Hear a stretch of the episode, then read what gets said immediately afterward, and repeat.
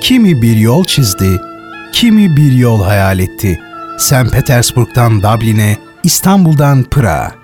Bir yanda dünyanın sesi, diğer yanda düşleri ve imgeleriyle zamanın seyrini değiştiren, insanlığın hayal gücüne tohumlar eken, varoluş sancımıza dokunan, unutulmaz düşünürler ve yazarlar, izler ve portreler Leyla Ceren Koç'la birlikte her pazar saat 23'te.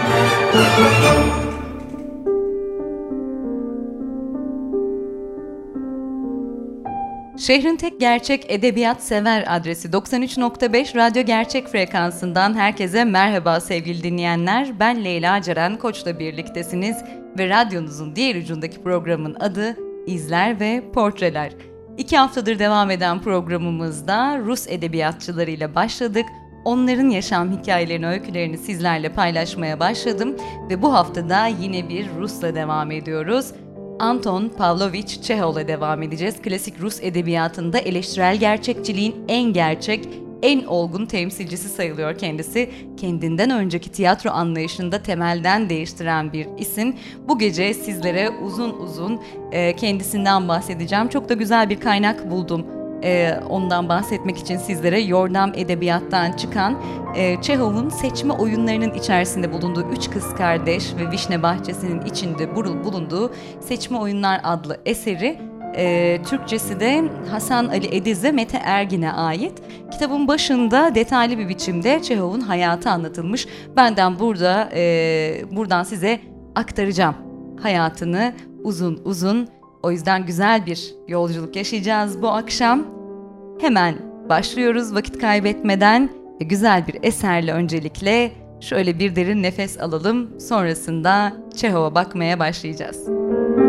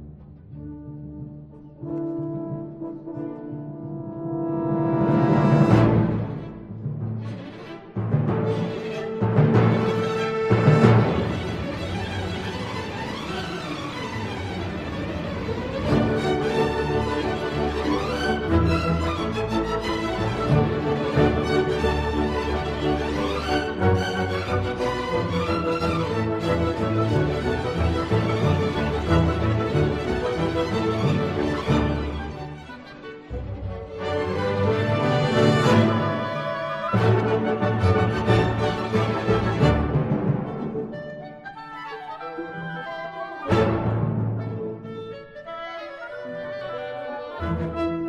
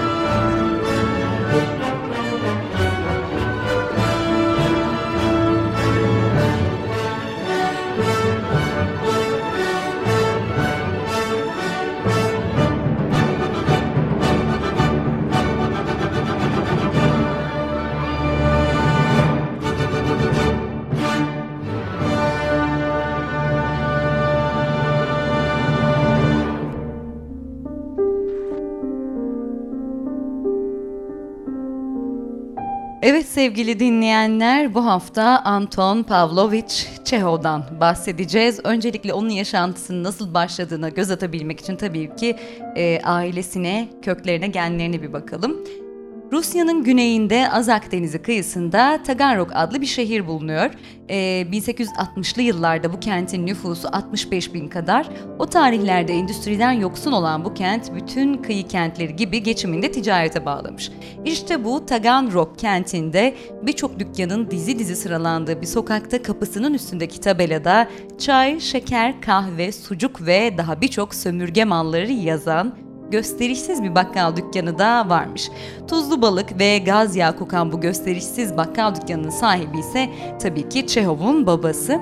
Dükkanda e, çıraklık yaparak babasına yardım eden Çehov'un bir gün gelip mahalle bakkalı çıraklığından büyük bir yazarlığa yükseleceğini tabii o yıllarda herhalde kimse tahmin edemezdi.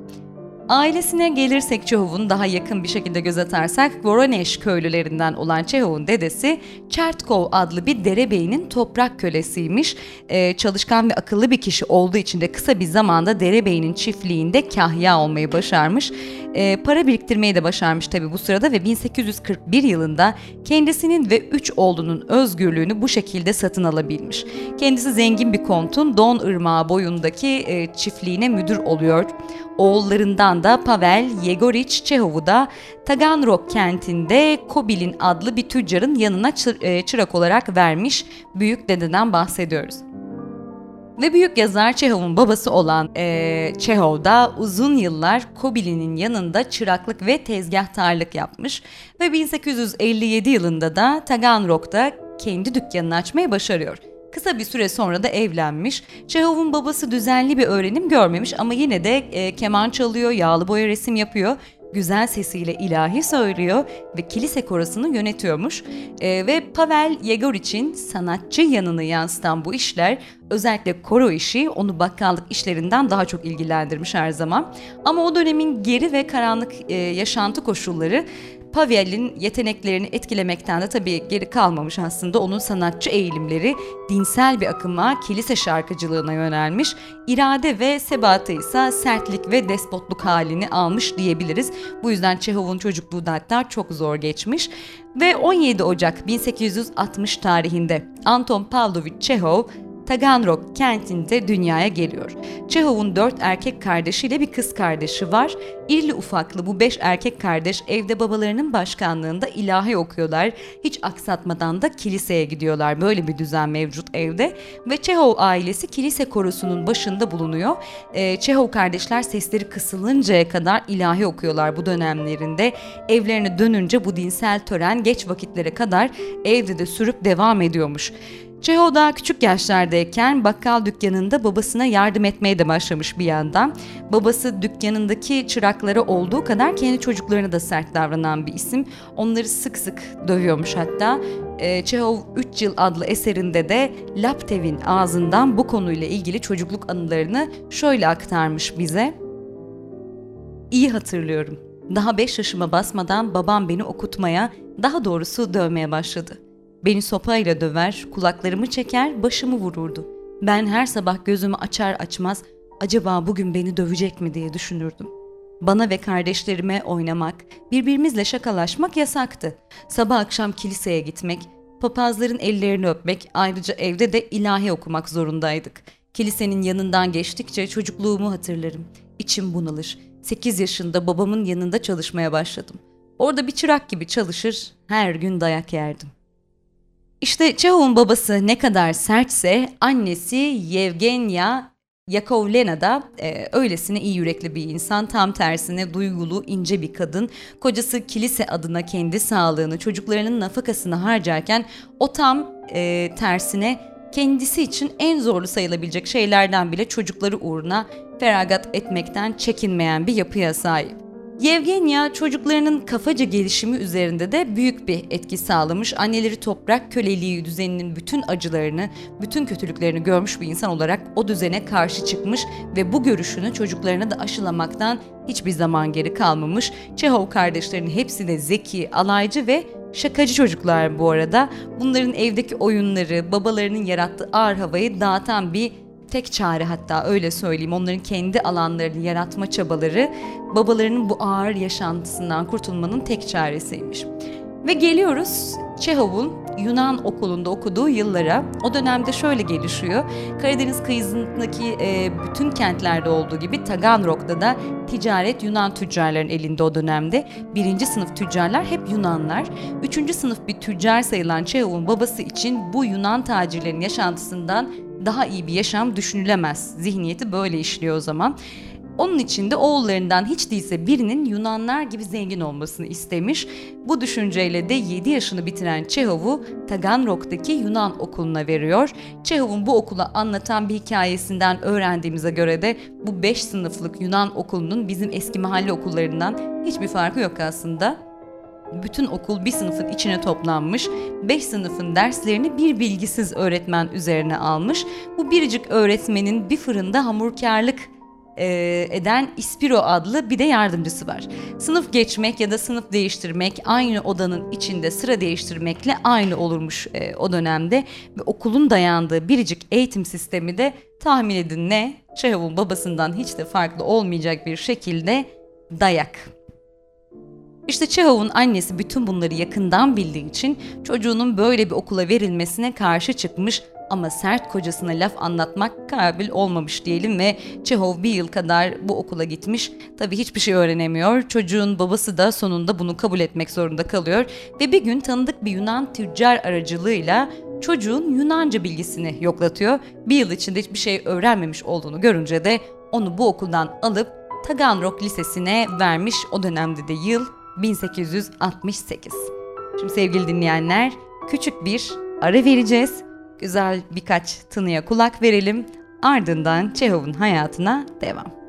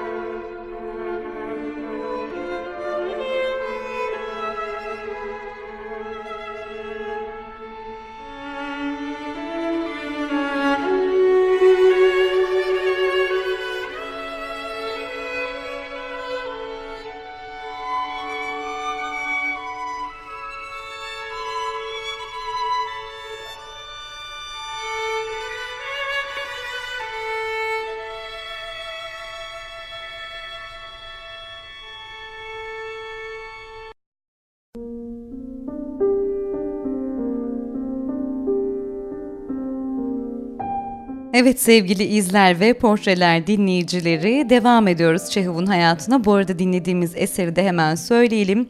Nikolay Ivanovich Fechin'den Russian American Borodin String Quartet'den dinledik. Re majör No 2 dinledik. Şimdi devam ediyoruz tabii ki Çehov'un hayatına.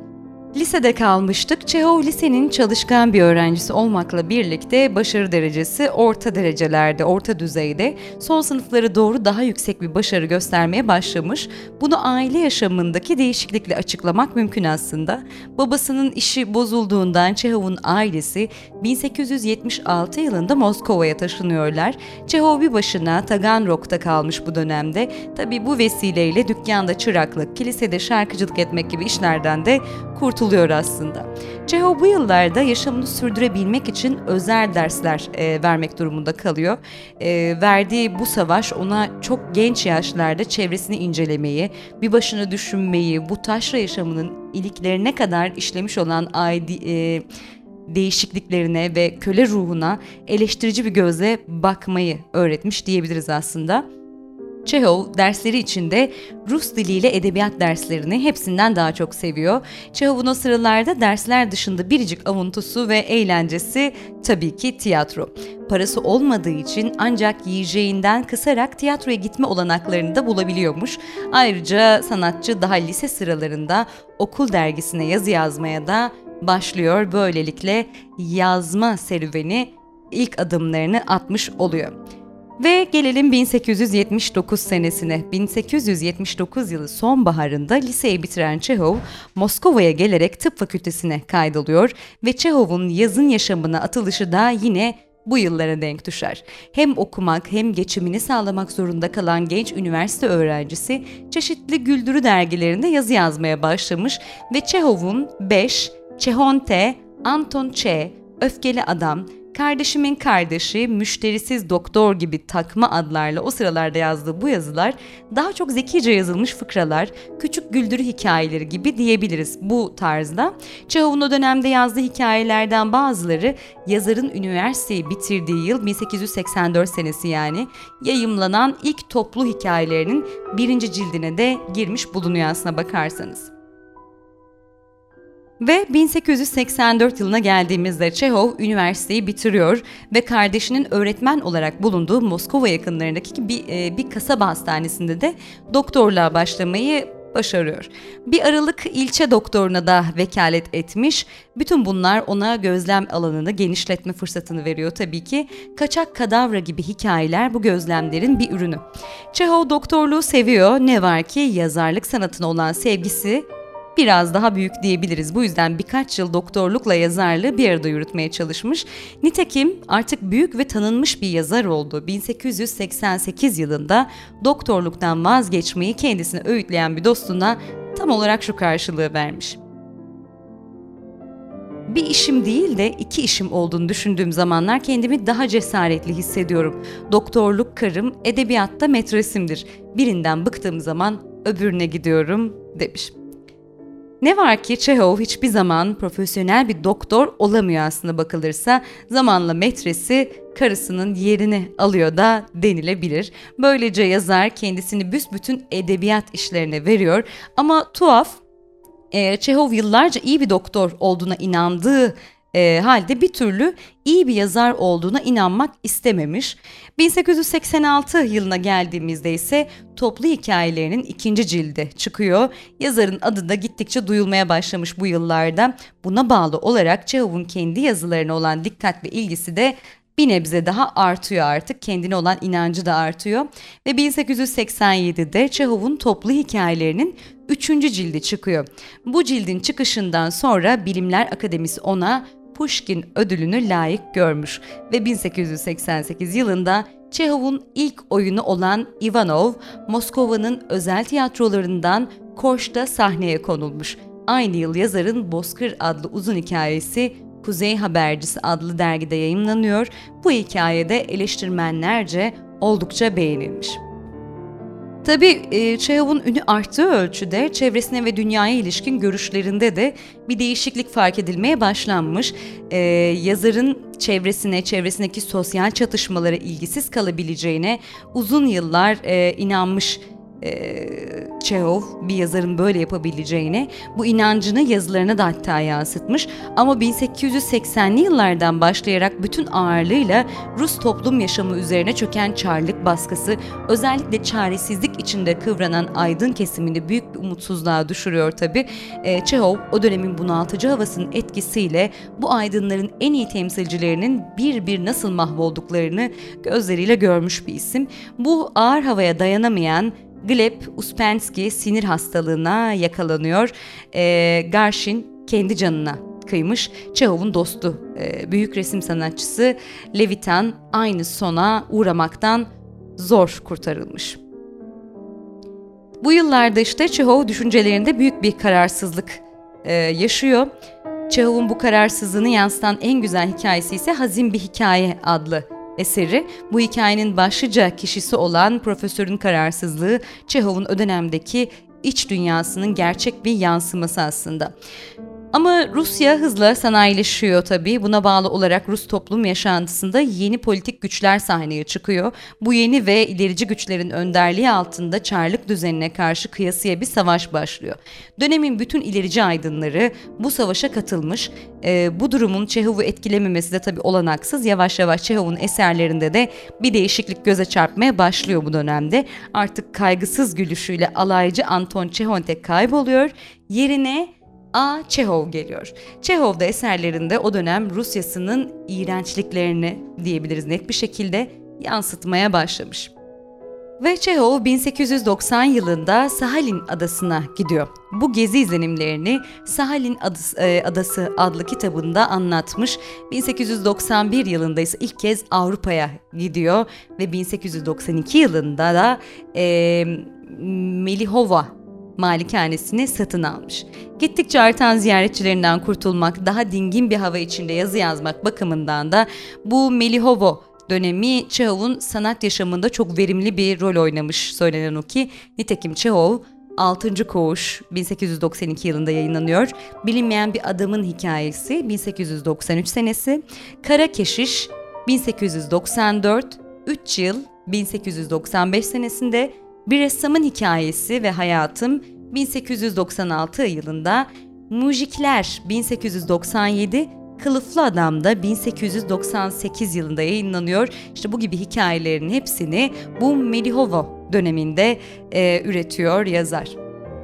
Fakat Çehov daha üniversite sıralarındayken kendisinde veremin ilk uğursuz belirtilerini fark etmiş aslında ama uzun süre buna inanmak istememiş bir isim. E, Çehov'un bu kendi kendini aldatması işte 1897 yılı 24 Mart'ına kadar da sürmüş. O gün Melihovo'dan Moskova'ya gelen sanatçının arkadaşı Suvorin'le öğle yemeği yerken birdenbire ağzından kan boşanmaya başlamış. Çehov Moskova kliniklerinden birinde 15 gün kadar kaldıktan sonra Güney Fransa'ya gidiyor. Hastalığı yumuşak iklim koşullarında doktorların bakımı altında yaşaması e, gerektiği için buraya gidiyor tabii. Bunun için Milhova'daki malikanesinde satarak 1898 yılında Kırım'ın Yalta kentine yerleşiyor. Böylece Çehov'un yaşamında Yalta dönemi başlamış oluyor. Çehov Yalta'da bulunduğu sıralarda hastalıkları yüzünden aynı kentte bulunmakta olan e, Tolstoy ve Gorgi ile daha yakın bir ilişki kuruyor. Özellikle Gorgi ile kurduğu bu ilişki ömrünün sonuna dek sürecek çok yakın bir dostluğa dönüşmüş. Bu arada e, Kuprin, Bunin, Mamin Sibiryak gibi dönemin tanınmış yazarları gelip kendisini ziyaret ediyorlar işte bu ağır dönemde.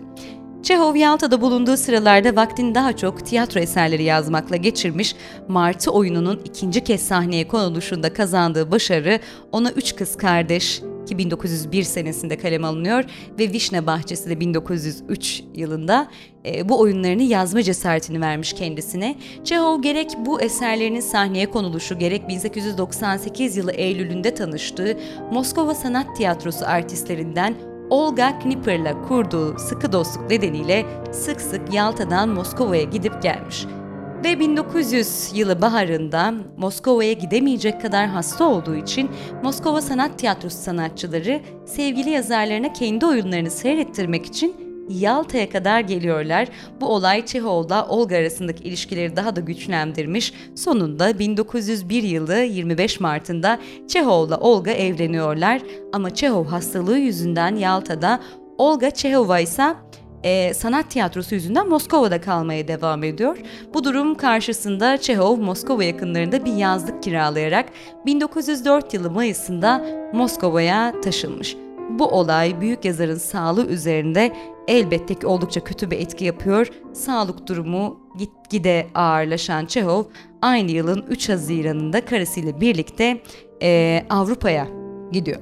Çehov Avrupa'da Almanya'nın İsviçre sınırındaki Badenweiler kasabasına yerleşmiş. İlk günlerde biraz düzelmiş gibi görünen sağlığı 29 Haziran'da birdenbire e, kötüleşiyor.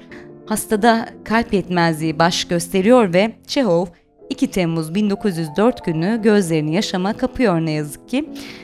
E, cenazesi Moskova'ya getirilerek Novo Divici Manastırı'nın mezarlığına gömülmüş ve ölümünden 4 yıl sonra Almanlar 12 Temmuz 1908'de Baden-Weiler'de Çehov'un bir heykelini dikiyorlar ama 1914'te 1. Dünya Savaşı patlak verince bu heykel yıkılmış.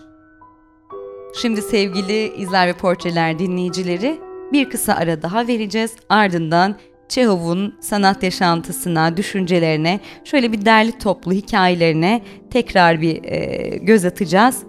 Sonrasında ise programımızı yavaş yavaş kapatacağız.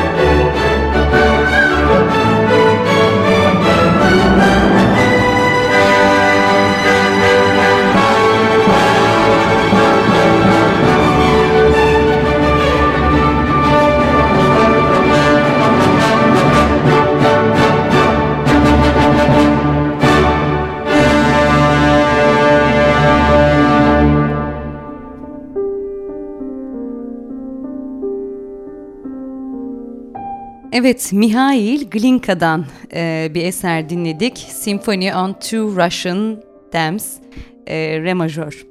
Eserini dinledik. Dinlemek isterseniz özellikle bu isimleri söylüyorum. Daha sonra da açıp dinleyebilirsiniz. Bence not alın beğendiğiniz e, müzikleri. Evet Çehov'un sanat yaşantısından, sanat anlayışından bahsedeceğiz şimdi biraz. Ee, Çehov 24 yıllık edebiyat çalışmalarında küçük hikaye türünü oldukça geliştirmiş bir isim. Ee, kusursuz bir hale getirmiş diyebiliriz hatta. Ee, bu sebepten de Tolstoy onu Maupassant'la karşılaştırırken aynen şöyle söylemiş. Fransızların üç yazarı vardır. Balzac, Stendhal e, ve Flaubert. bir de Maupassant ama Çehov ondan üstündür demiş. E, yalnız ne var ki Çehov'un bu yüksekliğe erişmesi için tabii ki oldukça farklı yollardan geçmesi gerekmiş. İlk hikayesi 1880 yılında çıkmıştı dediğim gibi. Yazarın öğrencilik yıllarında ekmek parası kazanmak için yazdığı hikayelerin hemen hepsi de kısa güldürü hikayeleri aslında. Bu hikayelerde canlandırılan kişilerin tasvirlerinde tabii ki hiçbir derinlik yok. Bu hikayelerin çoğunda kaba bir güldürü var diyebiliriz. Ama gerçek Çehov'un, büyük sanatçı Çehov'un ortaya çıkması için daha uzun bir süre geçmesi gerekmiş tabii bu yılların üzerinden.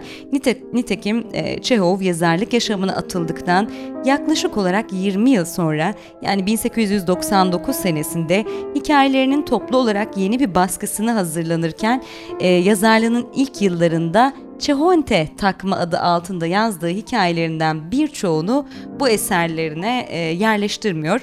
Bununla ilgili olarak yazdığı ön sözde de aynen şöyle söylemiş. Çehonte birçok şey yazmış olabilir ama Çehov bunları kabul etmek zorunda değildir. E, Çehov'un 1887 yılına kadar yazdığı hikayelerin çokluğu kadar bunların konularındaki çeşitlilik de insanı şaşırtıyor gerçekten. Dergilere yetiştirilmek üzere e, kaşla göz arasında çırpıştırılan bu hikayelere konu bulmak için Çehov konserleri, tiyatroları, mahkemeleri, çarşı pazarı, eğlence yerlerini dolaşmak zorunda kalmış hep. Bu durum genç yazarda gözlemcilik niteliğinin gelişmesine, yaşamı olduğu gibi tanımasına oldukça yardımcı olmuş diyebiliriz. Ve tabii Çehov'un yaşadığı ortamda gerçekten de aslında gülünç olan birçok şey mevcut ki Çehov da zaten e, bunlara gerçek anlamda bu şekilde yaklaşıyor. Ama şunu da hemen söyleyelim. Çehov yazın yaşamının ilk yıllarında yani 83 1883-1885 arasında dar yaşayış konuları üzerine yazdığı güldürücü hikayelerin yanı sıra memurun ölümü gibi az çok sosyal bir nitelik taşıyan hikayeler de yazmış. Gerçi bu hikayelerde güldürücü nitelikte yine ama bunların güldürücülüğü okurları eğlendirmiyor, düşündürüyor. Memurun ölümü hikayesinde küçük bir memur olan e, Çerviyakov tiyatroda aksırır ve istemeyerek önünde oturmakta olan bir generalin dazlak kafasını ıslatır, üst üste yaptığı beceriksizce özür dilemelerle generali çile, çileden çıkarır, general onu terslemek zorunda kalır ve memurcuk şiddetli bir ceza göreceğinden korkarak korkusundan yaşamını yitirir. Gerçi bu bir hikayedir ve bütün güldürücülüğüne rağmen korkmuş bir insanın köle psikolojisini e, çok iyi yansıtıyor gerçekten. İşte bu noktalardan sonra Çehov kısa güldürü hikayelerinden adım adım sosyal politik nitelik taşıyan büyük konulara geçiş yapıyor. Çehov'un edebiyat çalışmalarındaki büyük değişiklik özellikle 1887 yılından sonra gözle görülür bir seviyeye geliyor ve Çehov'un yazdığı hikayelere karşı duyduğu sorumluluk yalnız hikayelerinin sanat değerinin yüksekliğinde değil aynı zamanda bunların sayılarının azalışında da e, göze çarpmaya başlamış. Nitekim 1883 yılında 120, 1885 yılında 129, 86 yılında 112 hikaye yazan Çehov, 87 yılında 66 e, hikaye yazmış. Bir sonraki yılsa 12'ye kadar düşmüş bu hikayelerin sayısı. Bundan sonraki yıllarda bunların sayısı daha da düşüyor ama buna karşılık Çehov'un hikayelerine duyulan ilgi de gittikçe artmaya başlamış. Öyle ki sanatçının yeni çıkan her hikayesi bir edebi olay olarak karşılanmaya başlanıyor. Ee, sonrasında ise en önemli eserlerinin birçoğu yayınlanmaya devam etmiş zaten. Çehov'un hikayelerindeki dilinden bahsetmemiz gerekirse yazılarında hangi sınıftan olursa olsun bütün okurlarını anlayacağı ve yadırgamayacağı açık yalın bir dil kullanmış bir isim.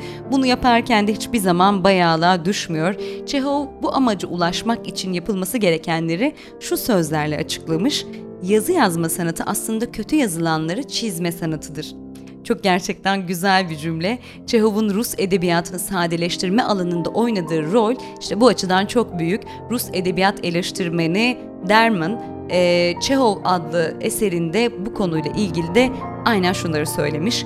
Rus edebiyatı çok çeşitli yönlerde gelişti, ilerledi. Ama ne Gogol, ne Dostoyevski, ne Tolstoy, ne de Turgenev Rus edebiyatını sadeleştirmeyi kendilerine iş edinmişlerdi. Oysa Çehov bunu kendine iş edindi ve bu alanda başarı sağladı. Bu edebiyatın demokratlaştırılmasında atılmış yeni ve büyük bir adımdı. Çehov'un okur yığınlarını alabildiğine genişlettiğini kesin olarak söyleyebiliriz. Çünkü Çehov'u anlamayan bir okurun bulunabileceğini düşünmek zordur demiş kendisi. Çehov'un ilk piyeslerinden bahsetmemiz gerekirse e, tiyatro tutkusu daha çocukluk yıllarında başlıyor biliyorsunuz. İlk büyük sanat eserinin bir tiyatro eseri olması bu tutkusuyla sıkı sıkıya bağlı aslında.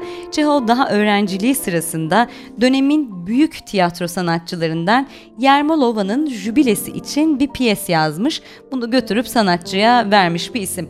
Ama Çehov'un bu eseri beğenilmemiş ve oynanmamış tabii o dönemde. Çehov bu eserini yırtıp attığı için piyesin basılmasına ve toplu eserler arasına girmesine de olanak kalmıyor. Ee, ve 1885'te yazdığı Büyük Yol Üzerinde adlı bir perdelik dramanın oynanmasına da dönemin sansürü ne yazık ki izin vermemiş. Çehov'un e, ramp ışığına çıkan ilk tiyatro eseri ise 1887'de yazdığı Ivanov dramı. E, Çehov bu eseriyle bir yandan düş kırıklığına uğramış bir toplum adamı, bir aydın tipi yaratmak, öte yandan da tiyatroda yenilik yapmak istiyor.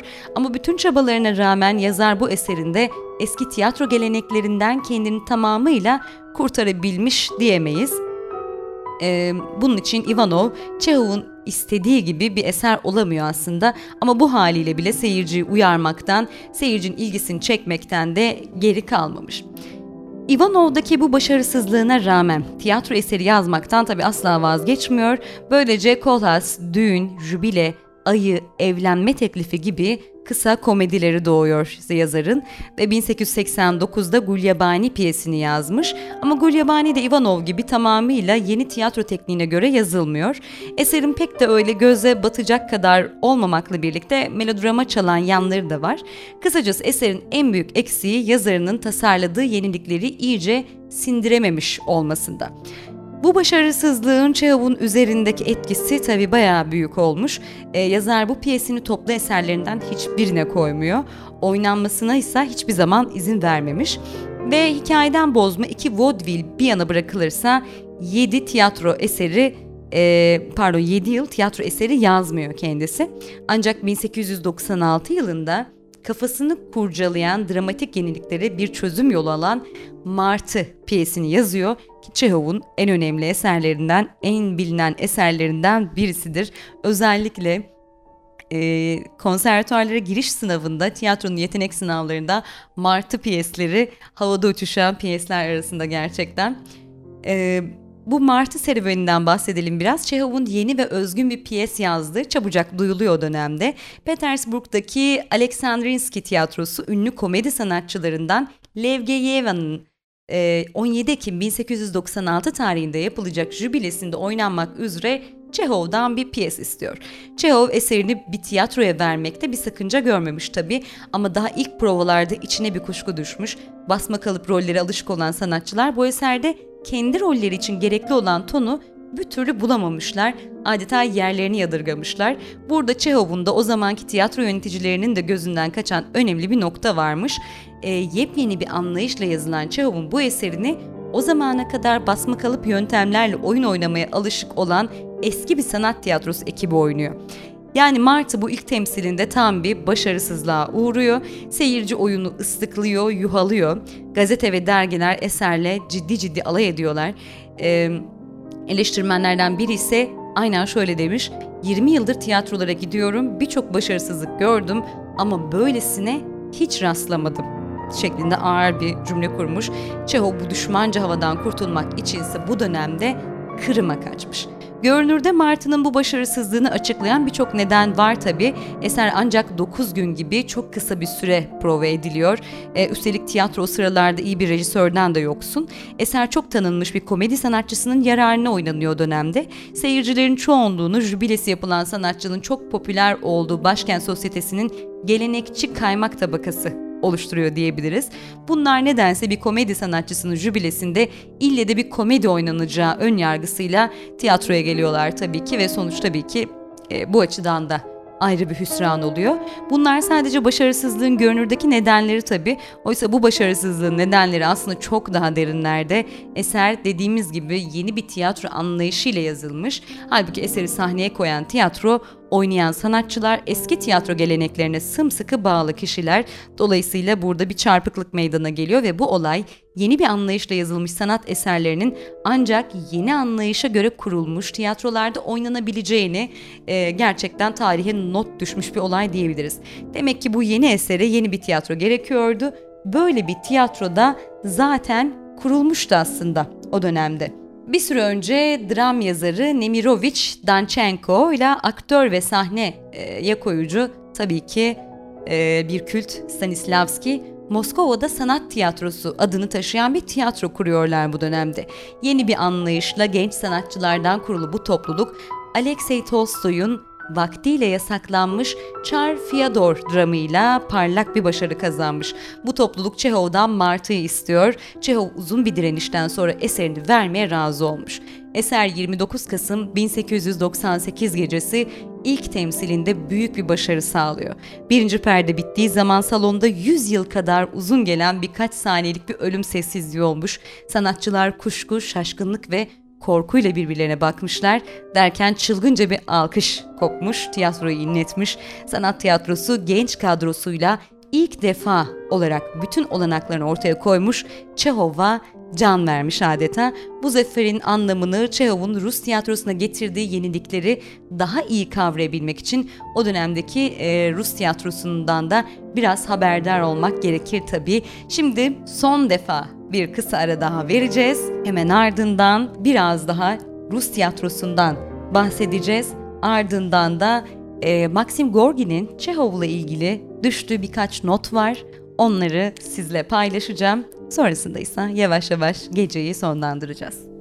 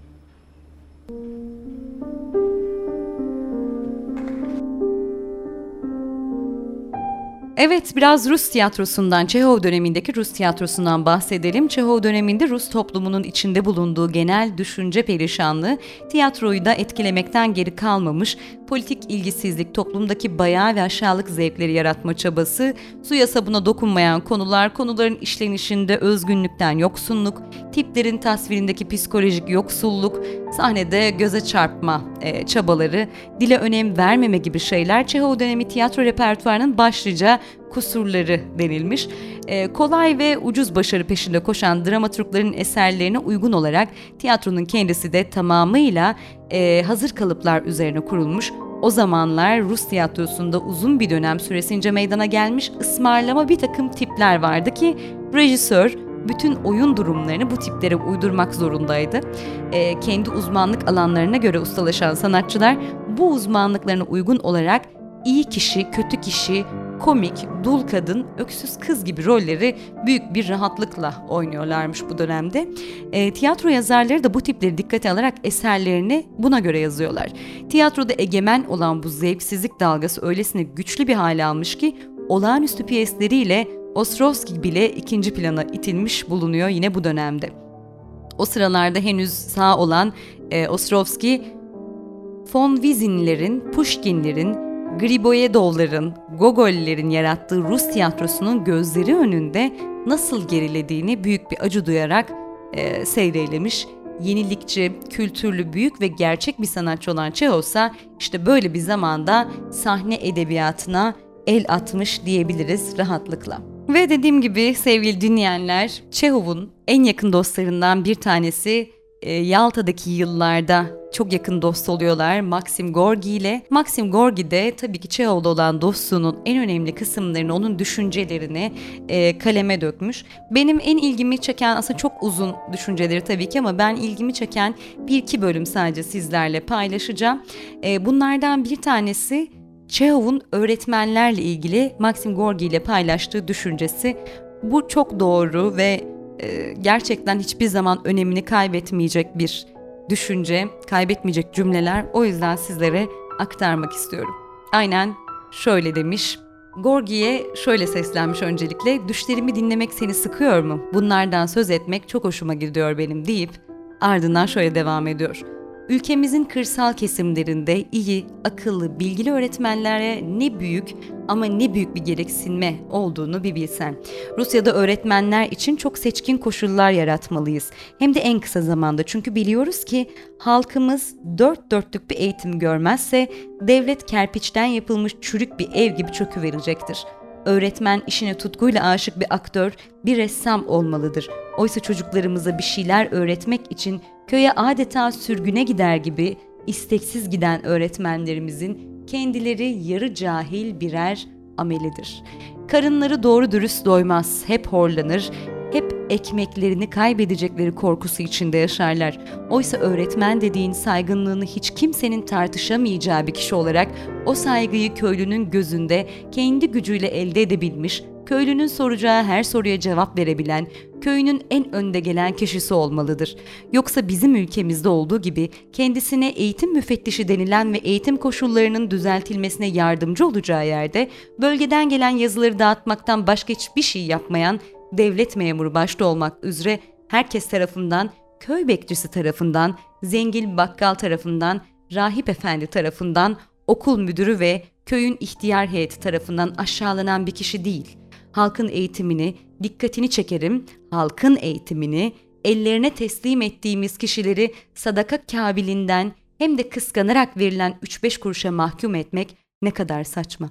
Öğretmenlerin paçavralar içinde dolaştığını, bakımsızlıktan harap olmuş rutubetli okullarda soğuktan tir tir titrediklerini, bacaları çekmeyen sobaların dumanlarından zehirlendiklerini, soğuk algınlığından kurtulamadıklarını ve daha 30 yaşına gelmeden laranjit gibi, romatizma gibi, tüberküloz gibi ve daha bir sürü hastalığın pençesine düştüklerini düşündükçe insanın isyan edesi geliyor.''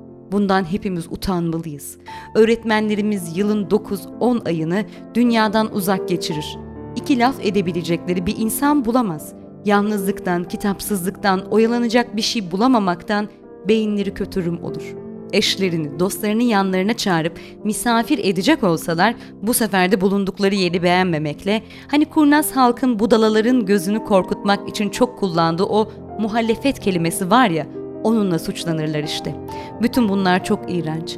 Üstelik de son derece büyük ve önemli bir iş yapan insanlarla böyle adeta alay edilmesi. Bir öğretmenle karşılaştığım zaman inan ki ne yapacağımı şaşırıyorum. Onun o çekingen, perişan hali yüzünden. Onun bu perişan halinden sanki ben sorumluymuşum gibi geliyor. Sahi söylüyorum. Gorgi şöyle demiş, bir an için sustu ve kolunu ileri uzatarak yumuşak bir sesle şöyle dedi. Şu bizim Rusya ne saçmalıklarla dolu, ne akıl sır erdirilemez bir ülkedir.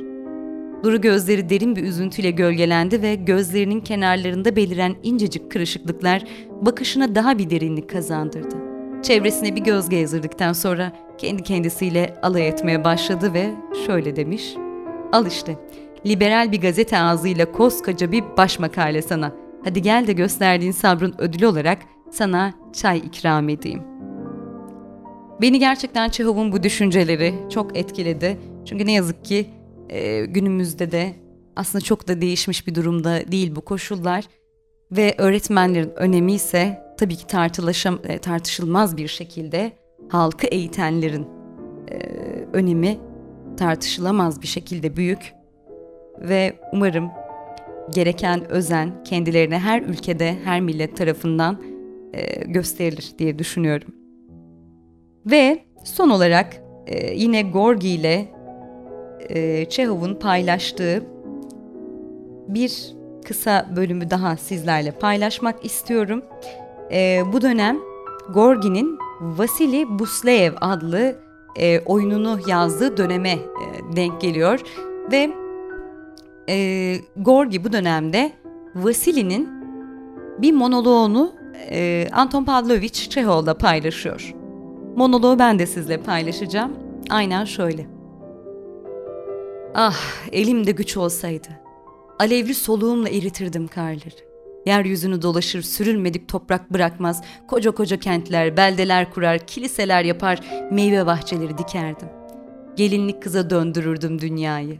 Onu bir gelin gibi kollarımın arasına alır, bağrıma bastıktan sonra uzatırdım Tanrı'ya. Bak Tanrım, başını aşağı çevir de dünyaya bir bak. Bak ne kadar güzelleştirdim onu. Onu bir taş parçası diye boşluğa fırlatan sensin. Ben onu değerli bir mücevhere çevirdim. Bir bak hele dünyaya. Bak da gözlerin şenlensin. Bak nasıl yemyeşil parlıyor güneşin altında. Onu sana seve seve verirdim ama elimden gelmiyor ki. Benim için çok değerli. Çeho bu monoloğu çok beğenmiş, sinirli sinirli öksürmüş ve Alexin'le e, Gorgi'ye şöyle söylemiş. Güzel, çok güzel.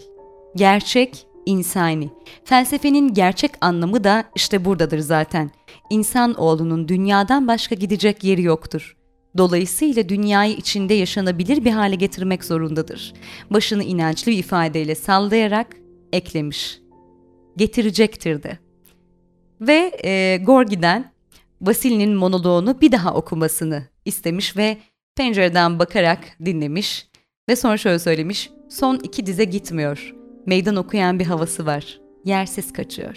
Evet sevgili izler ve portreler dinleyicileri, e, bu gece sizlerle Anton Pavlovich Çehov'un hayatını, yaşamını, eserlerini, sanatsal görüşünü paylaştım izler ve portrelerde.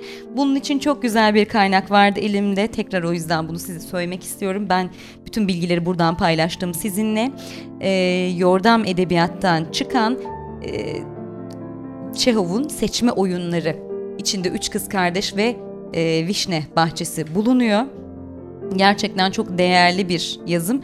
Türkçesi de Hasan Ali Ediz ve Mete Ergin'e ait. E, ben bu güzel eserden sizlerle derin bilgiler paylaşabildim. Çehov'u hem kısaca hem de derin derin anlatma e, fırsatı buldum. Ve programın sonuna geldik. Haftaya yepyeni bir isimle tabii ki bir efsaneyle bir başka efsaneyle tekrar görüşünceye kadar sevgili dinleyenler herkese güzel bir gece diliyor ve mutlu bir hafta başı diliyorum. Haftaya görüşmek dileğiyle. Hoşçakalın.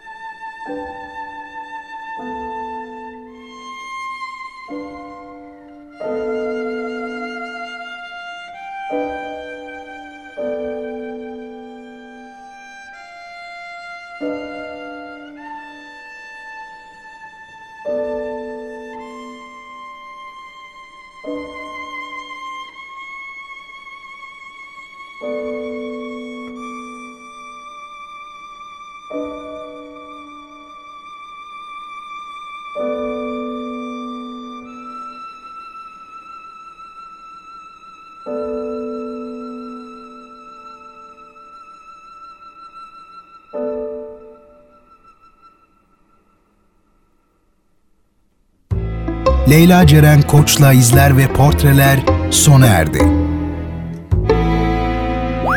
Bu program hakkındaki düşüncelerinizi dinleyen et radyogercek.com adresine mail atarak bize ulaştırabilirsiniz.